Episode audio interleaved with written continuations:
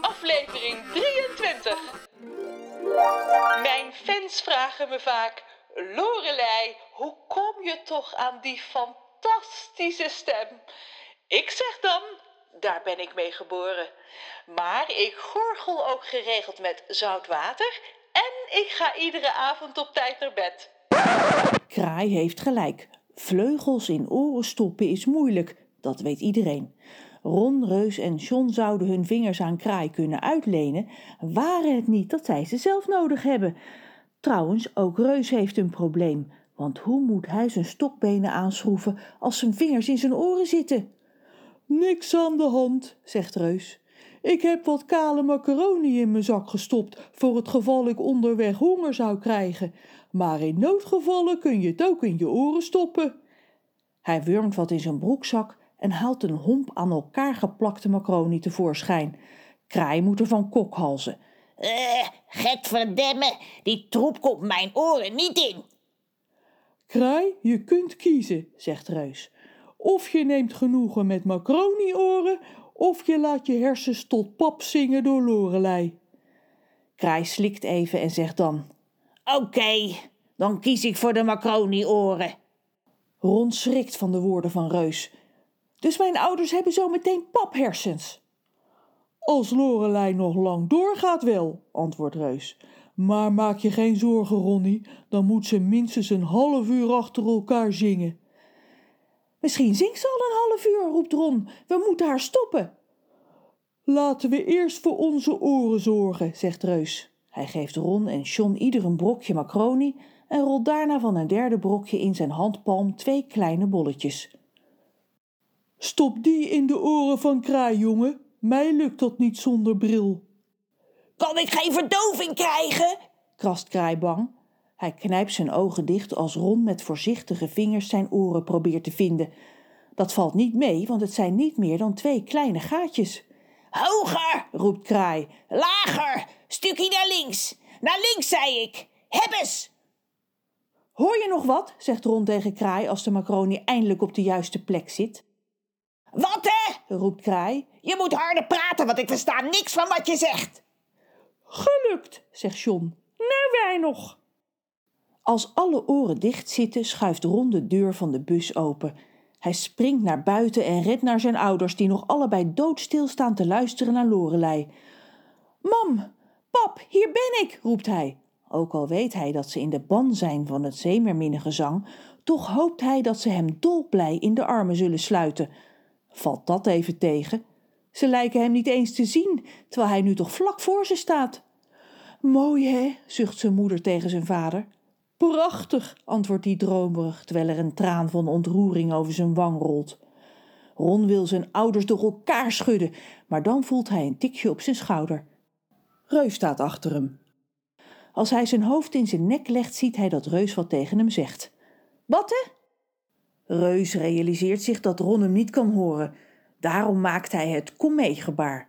Zolang Lorelei zingt, kunnen ze niks beginnen met Rons ouders en alle andere mensen op de kade. Ze moeten zo snel mogelijk het schip op en vragen of Lorelei haar mond wil houden. Ron en Reus lopen naar John en Kraai, die nog bij de bus staan. John zoekt de blik van Kraai, wijst naar het schip en fladdert met zijn armen. Kraai haalt zijn schouders op. John wijst met een geërgerd gezicht nog een keer, rent fladderend met zijn knokige armen een stukje richting het schip en rent dan weer terug. Opnieuw haalt Kraai zijn schouders op. Hij roept ook wat, maar aangezien kraaien snavels hebben, valt er weinig te lip lezen. Ron begrijpt ineens wat John bedoelt. Hij wil dat Kraai een verkenningsvlucht boven het schip maakt. Ze kunnen natuurlijk gewoon de loopplank oplopen in de hoop dat ook iedereen op het schip zijn hersens tot pap laat zingen, maar je weet het nooit.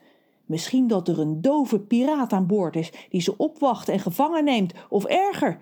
Zeg, ken jij de mos? Ron besluit John te helpen. Hij gaat vlak voor Kraai staan en vormt met zijn mond het woord verkennen. Eindelijk lijkt Kraai te begrijpen wat de bedoeling is. Hij knikt, fladdert met zijn vleugels, neemt een aanloopje en dan vliegt hij naar het schip. Hoog vliegen, Kraai, denkt Ron. Zorg dat ze je niet zien. Kraai lijkt hetzelfde te denken. Hij vliegt hoger en hoger totdat hij uit het zicht is. Ron tuurt naar de donkere hemel. Hij ziet de maan en de sterren, maar geen kraai. Bezorgd kijkt hij om naar zijn vader en moeder. Die staan nog altijd vol bewondering naar Lorelei te staren. Maar hoe hard Lorelei ook zingt, de macaroni doet in zijn hoofd zijn werk.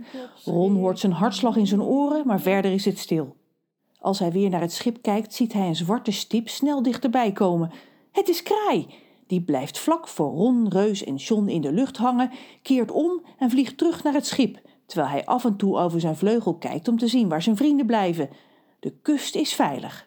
Ron, Reus en John lopen snel naar de loopplank. Niemand houdt de wacht zo te zien. Bonk, bonk, bonk. De plank veert onder de pantoffels van Reus zo hevig op en neer dat Ron en John zich stevig moeten vasthouden aan de touwen aan weerszijden van de plank. Maar ze kunnen ongehinderd doorlopen. Geen piraat die alarm slaat of probeert hen tegen te houden. Het is voor Ron de allereerste keer dat hij op een echt piratenschip staat. En als de omstandigheden anders waren geweest, zou hij in zijn arm knijpen om te controleren of hij droomde. Maar nu heeft hij daar geen tijd voor. Lorelei moet ophouden met zingen, en wel nu. Ron, Reus, John en Kraai passeren piraten die als bevroren naar Lorelei staan te luisteren. Ze hebben snorren, baarden, oorringen, messen en pistolen, tatoeages van doodshoofden en het woord moeder. Ze missen hier en daar een arm, een oog of een been. Ze hebben schrammen en littekens. Maar op dit moment zijn ze allesbehalve gevaarlijk, want Lorelei zingt. Of nee, nu niet meer. Als ze de vier vrienden aanziet komen, doet ze met een klap haar mond dicht. Ron kijkt naar Lorelei in haar rode badpak. Haar vissenstaart heeft ze door een van de beengaten gewurmd.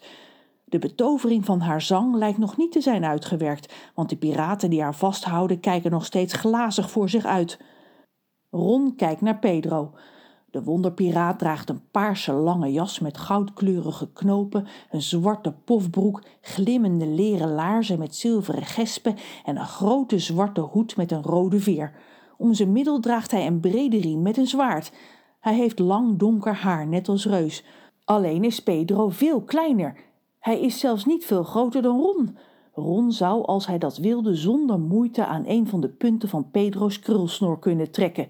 De betovering door Lorelei kan wat Ron betreft niet lang genoeg duren als het om Pedro en zijn piraten gaat. Maar zijn ouders, die mogen nu wel eens wakker worden. Of zou het al te laat zijn? Heeft Lorelei hun hersens tot pap vermalen? Daar zijn jullie dan. Lorelei kijkt allesbehalve opgelucht naar haar redders. Zullen we even babbelen voordat iedereen weer bij zijn positieve is? Want ik ben bang dat jullie voor niet zijn gekomen. Want hè? Horen jullie mij? Ik kan mezelf dus niet horen, hoe hard ik ook schreeuw. Hallo, hallo, ben ik daar? Over. Volgende week zijn we er weer. Ron Willem Tattoo is geschreven en geproduceerd door Margot de Graaf.